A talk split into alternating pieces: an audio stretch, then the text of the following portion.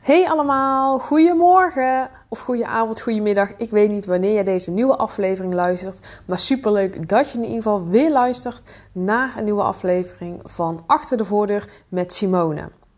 Vandaag ga ik aflevering 2 opnemen en dat is echt helemaal iets anders dan aflevering 1. Toen stond ik heel erg stil bij wie ik ben en wat ik zoal heb meegemaakt. Maar vandaag ga ik stilstaan bij een stukje bewustwording en ook een stukje confrontatie. Want het advies wat ik in deze aflevering jou ga vertellen is zo extreem belangrijk om te horen, want dit gaat jouw leven veranderen.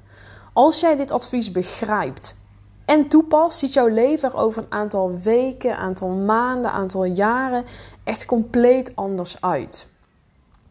En waar ik dan ook mee wil beginnen is dat ik heel vaak bij mensen zie dat ze van alles willen. Uh, ze wensen van alles, ze hopen van alles, maar ondertussen doen ze niks. Ze wachten op de ander, ze wachten op een sorry, ze wachten om gered te worden. In ieder geval, ze blijven heel braaf zitten. En wellicht herken je dat wel. En mensen die bijvoorbeeld veel klagen over hun relatie, klagen over hun kinderen, klagen over het werk, die jou echt jouw energie zo een beetje zuigen, die van alles ja, die continu klagen, maar er ondertussen niks aan doen. Daar heb ik uh, een beetje een allergie voor. Maar die mensen die wachten om gered te worden. En wat ik heel vaak zie is dat mensen ja, eigenlijk blijven zitten om twee redenen. Eén, ze zijn bang voor wat er komen gaat. Bang voor de toekomst. Wat gaat er dan gebeuren? Wat zullen andere mensen wel niet van mij vinden? Um, hoe ga ik me dan voelen? Voel ik me dan nog meer alleen, nog meer somberder? Um, ze zijn wellicht bang voor alle angsten, onzekerheden en twijfels die op hun pad komen. Dus dan doen ze maar niks. Dan denken ze: als ik in ieder geval blijf zitten, dan weet ik in ieder geval wat er gaat gebeuren en is een soort van veiligheid. Wat ook kan zijn, is dat mensen letterlijk gewoon bevriezen. Mensen willen heel veel, Oh, ik wil gelukkig zijn. Ik wil lekker in mijn vel zitten. Ik wil veel geld hebben. Ik wil sociaal zijn. Ik wil er goed uitzien. Um, ik wil positieve gedachten hebben.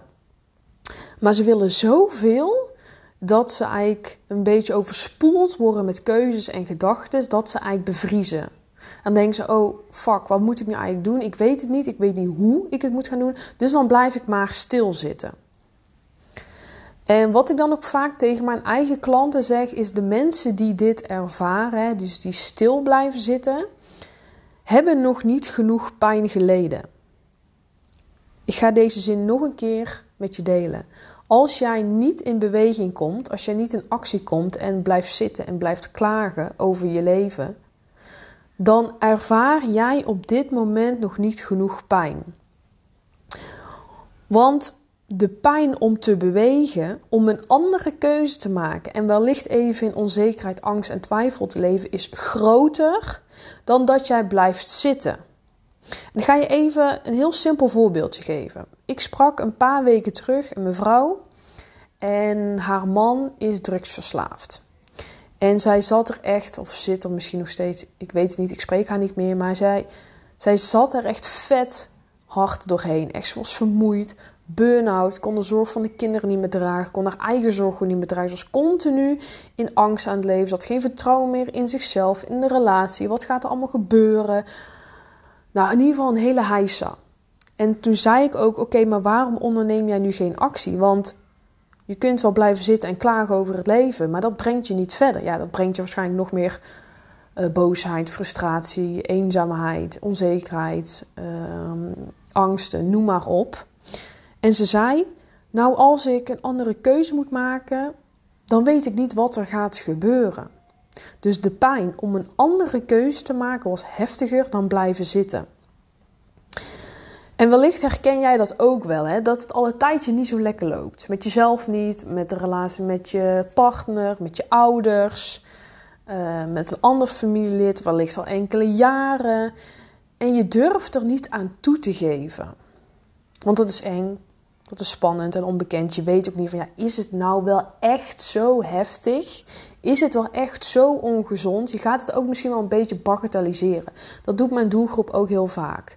Ze denken bijvoorbeeld, nou ik heb nog een dak boven mijn hoofd, ik heb nog financiële stabiliteit. dus ik heb het nog niet zo erg. Of ze denken, nou, ehm, er is niks fysieks met mij aan de hand, dus ik hoef niet om hulp te vragen. Of ze zeggen, nou, het heeft me allemaal niet zo erg geraakt. Ik kan er nog wel even mee door. Ik laat mezelf wel weer op. Maar be real, even reality check. Wat heeft je dat opgeleverd om heel tijd te blijven zitten in de situatie waar je nu zit? Nou, waarschijnlijk niet het leven waar jij naar verlangt. Misschien je er wel naar. Want als jij daaraan toe gaat geven, is dat natuurlijk weer eng. Moet je andere stappen zetten? Nou, hoe gaat de buitenwereld daarop reageren? Vinden ze me dan nog wel leuk? Gaan ze me dan wel laten? Waar moet ik heen? Hoe ga ik me voelen? Waar ga ik denken? Ze gaan zoveel in hun hoofd zitten en zoveel nadenken over de hoe. Van hoe moet ik het doen en de wat als. Dus wat als er dit gebeurt, wat als er dat gebeurt. En je gaat eigenlijk een beetje in de paniekstand en je doet gewoon niks. Je hart wil iets anders. Je wil zo graag gelukkig zijn, zelfvertrouwen hebben, sterker in je schoenen staan. Weten dat jij ertoe doet, dat je het waard bent. Je wil weer zelfliefde ervaren. Maar je hoofd zegt nee, blijf maar gewoon. Dan weet je in ieder geval wat er gaat gebeuren. En heb je nog iets of wat van controle. Dat denk je. Maar ik wil je dan even, ja, ik wil dan even iets met je delen. Want je hebt jezelf denkbeeldige veiligheid aangepraat. En dan denk je dat het veilig is om te blijven zitten. Want je hebt even rust, even geen gezeik, even een dak boven je hoofd, even geen angsten, onzekerheden of meningen van anderen. Maar zoals ik zei, op langere termijn brengt het je niet het leven wat jij wil. En omdat dus de pijn om een andere keuze te maken groter is, blijf je zitten. En wat ik vaak dan ook zie is dat de relatie die mijn doelgroep heeft, ja, zij denken dat die dus normaal is. Je bent er eigenlijk een beetje aan gewend geraakt. Zoals jij tegen jouw collega's of je vrienden of familie zegt van nou, ehm, mijn man heeft gisteravond geschreeuwd. Of mijn zoon of dochter heeft gisteravond een woedeaanval gehad. Of nou, vroeger ben ik misbruikt. Het voelt voor jou normaal. En het voelt net alsof je over het weer aan het praten bent. Over welke schoenen je straks gaat kopen of aan gaat doen. Het is voor jou normaal geworden. Maar het is niet normaal. En, en heel vaak zien, ziet mijn doelgroep ook niet in hoe groot de impact is van die ongezonde relatie. Van die ongezonde thuissituatie. En dat is zo zonde, want daardoor neem, ontneem jij jezelf kansen. Hou jij jezelf klein en leef je dus niet het leven wat jij wil. Je bent continu aan het overleven en alsmaar aan het kijken naar jouw omgeving buiten je. Naar de ander, zorgen voor de ander. Maar wie ben jij nou eigenlijk? Wat wil jij nu eigenlijk in dit leven? Oftewel, wat is jouw missie in dit leven? En hetgeen wat ik net verteld heb, is niet raar. Hè? Je bent gewoon, je bent er wellicht ook wel mee opgegroeid dat zo'n relatie normaal is. Dat boosheid normaal is. Dat onzekerheid normaal is. Dat niet huilen, dat dat goed is. Je bent er eigenlijk een beetje aan gewend geraakt. En om het stukje bagatelliseren, het is een soort overlevingsstrategie. Dus als je nu denkt, holy shit, dit ben ik, neem het jezelf niet kwalijk. Ik heb daar ook gestaan. Ik heb ook die gedachte gehad. En ik wil je meenemen in waarom dat dus niet gezond is. En ik ga het je allemaal even wat duidelijker maken. Ik ga een paar gevolgen met jou delen door die moeizame en ongezonde relatie. Door die onveilige thuissituatie, wat je ervaart. Waardoor jij misschien kunt gaan denken: shit, mijn pijn mag er wel zijn. Ik doe er wel toe. Mijn mening, mijn keuze, die doet ertoe. Stukje bewustwording.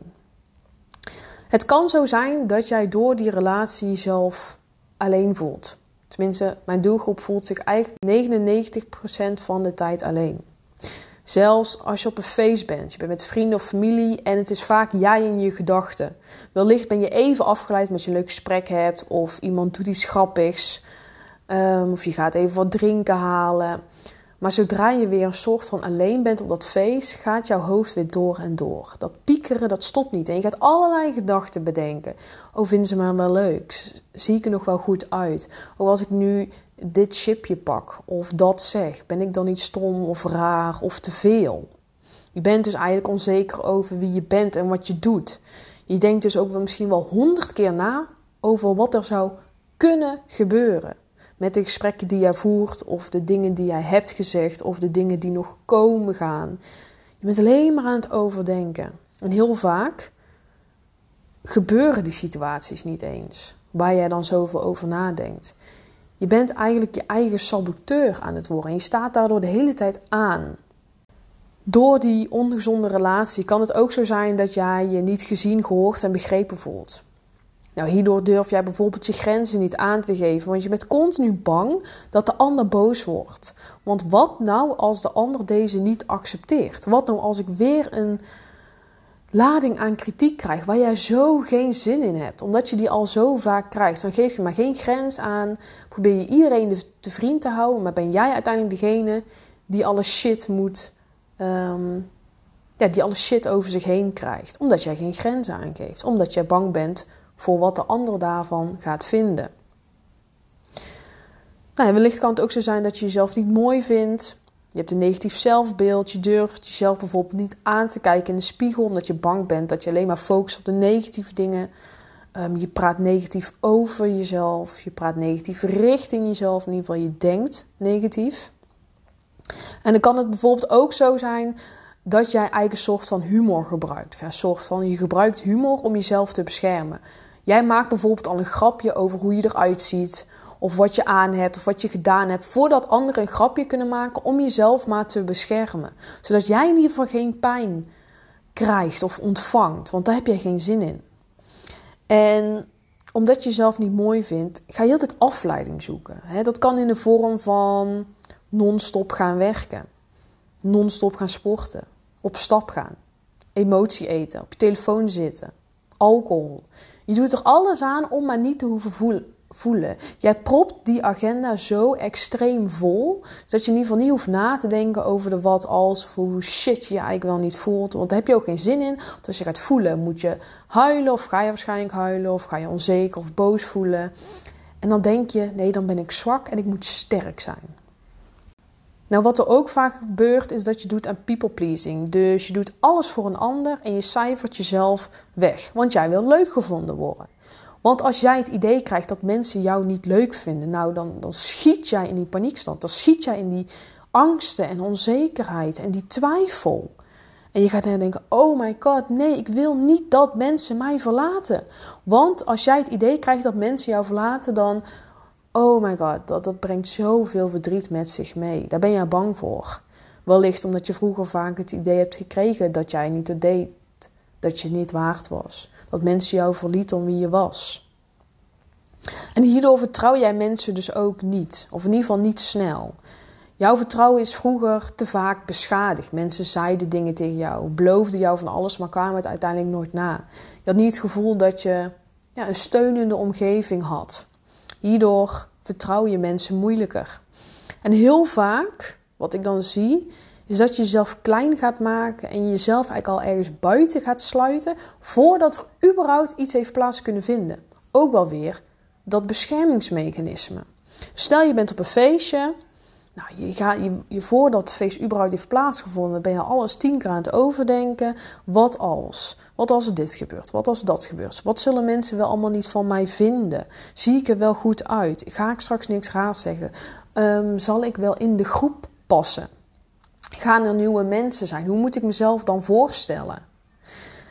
Je gaat jezelf eigenlijk al op dat feest buiten de groep stellen, zodat jij in ieder geval niet ja, zodat ze niet over jou kunnen gaan roddelen of dingen kunnen gaan denken.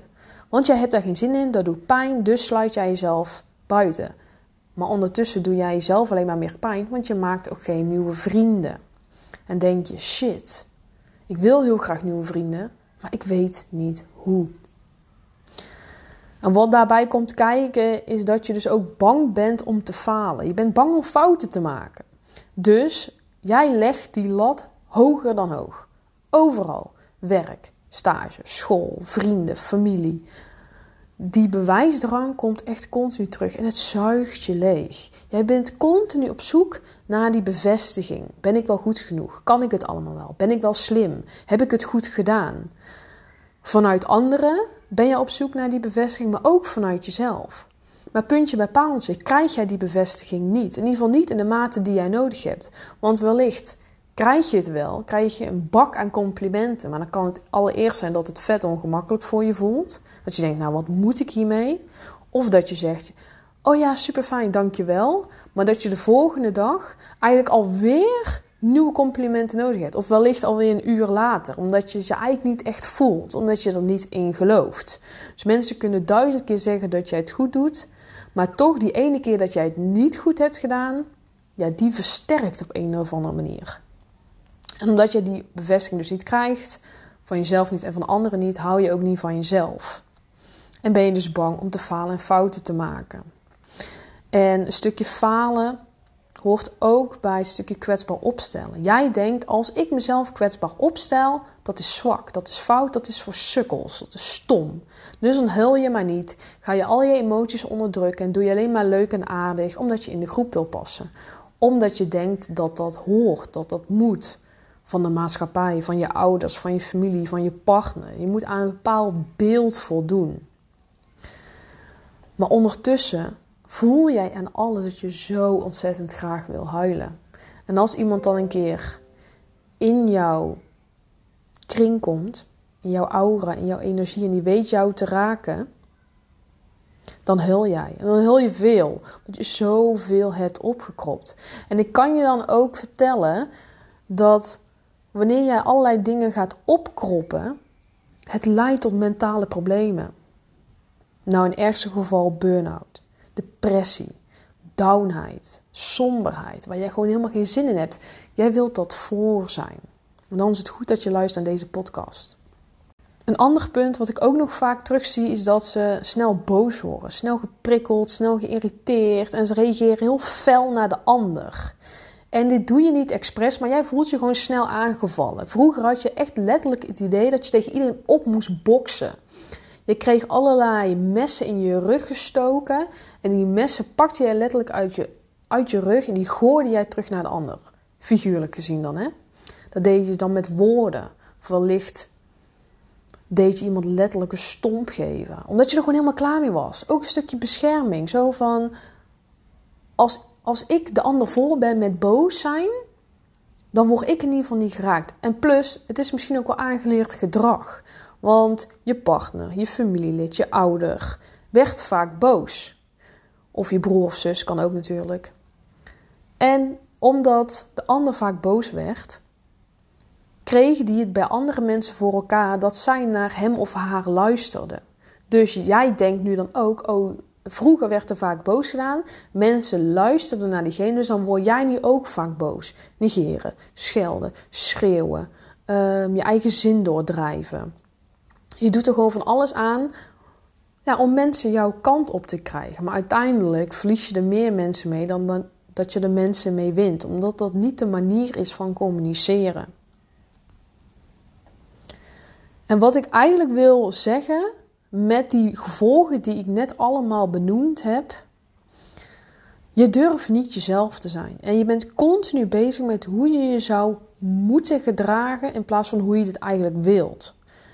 Je houdt niet van jezelf en je wilt jezelf gewoon dolgraag weer accepteren. Jezelf omarmen zoals je bent. En alles wat ik dus ook net genoemd, heb, hè, dus een stukje emoties onderdrukken, een stukje dat je het hulpvragen moeilijk vindt, dat je niet durft te falen, dat je niet gezien, gehoord en begrepen voelt, dat je alleen voelt, een stukje verlatingangst. Komt allemaal door die moeizame relatie, door die ongezonde thuissituatie.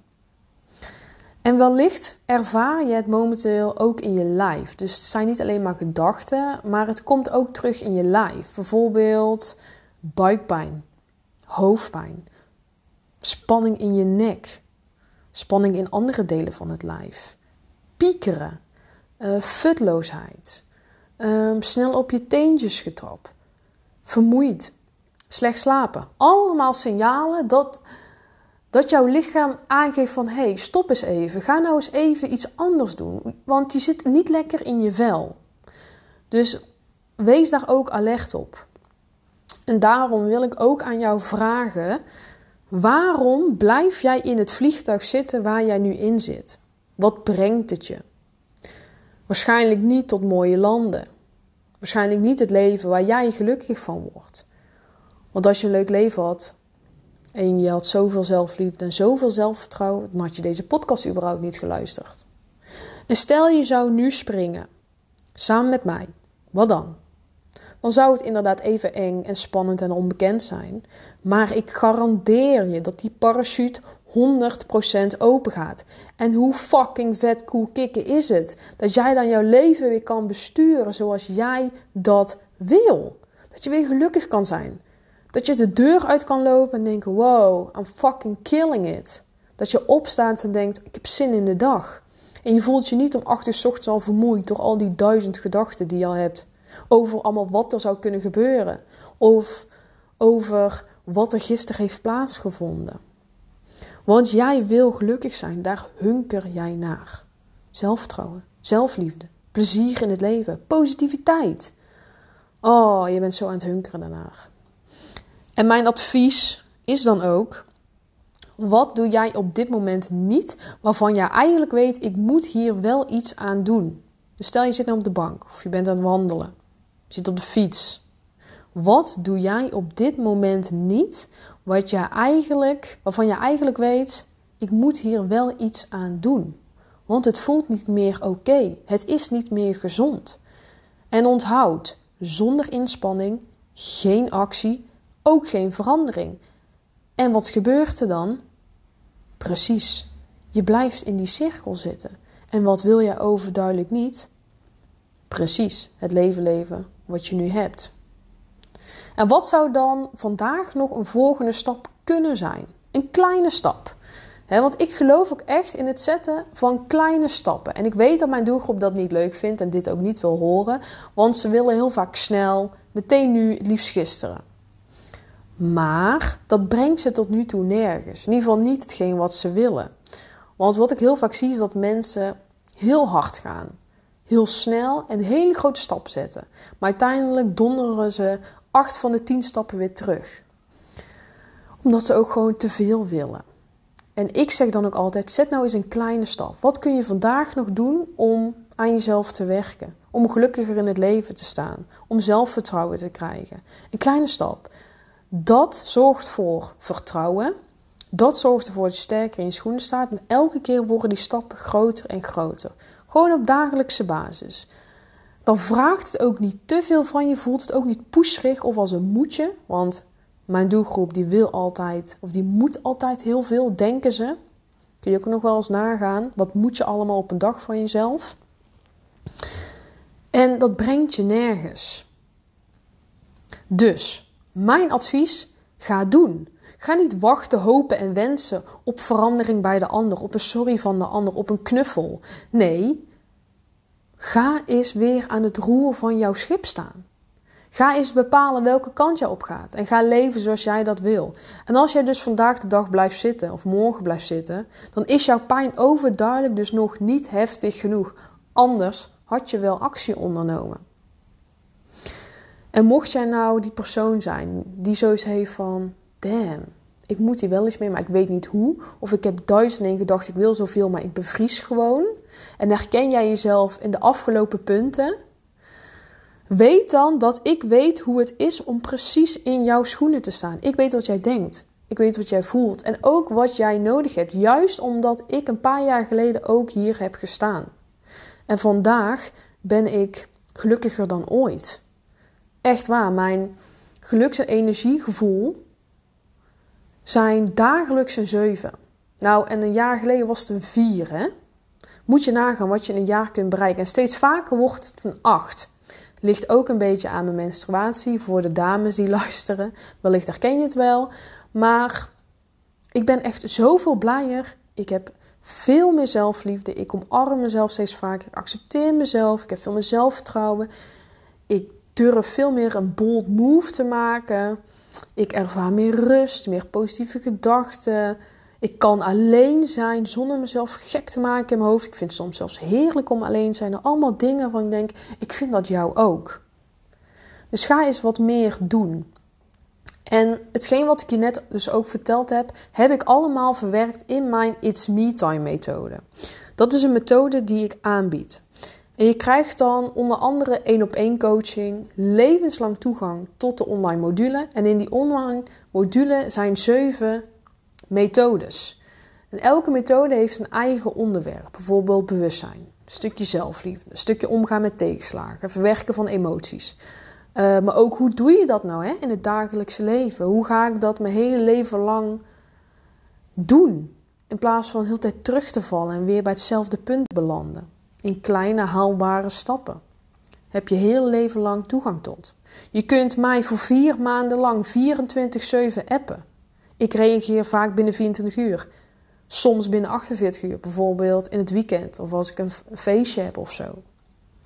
Omdat ik ook weet, ja, een één op één coaching van 60 minuten is leuk, die je overigens 7 keer krijgt.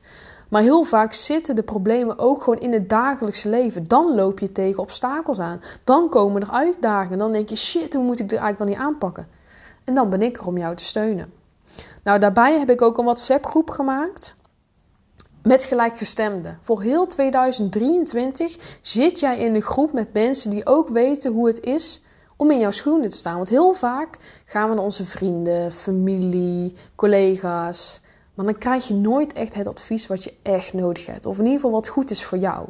Je kent misschien wel de zinnen: komt goed. Stel jezelf niet zo aan. Ieder huisje zo zijn kruisje.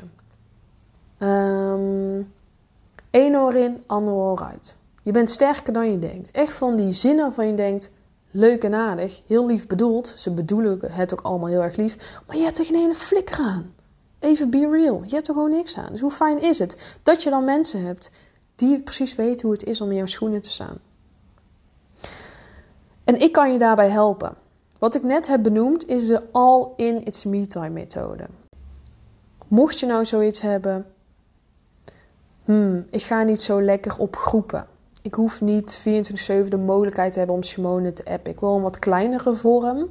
Dan kun je ook de mini-versie doen. Dan krijg je alleen toegang tot de zelfstandige opdrachten en kun je mij een maand lang één keer per week appen. En dan gaan we even sparren wat er precies gaande is en wat je vragen zijn en je struggles.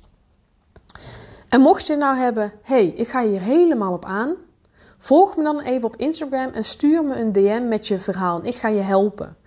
En mijn Instagram-account is simone.najof. Je kunt me trouwens ook volgen op TikTok. Dat is najof.s. Ik zal de link ook even in de beschrijving toevoegen. En verder zou ik het echt super tof vinden als je me volgt op Spotify en ook even een review achterlaat. Dat kun je doen door helemaal naar boven te gaan in de zoekbalk. Typ je in achter de voordeur met Simone.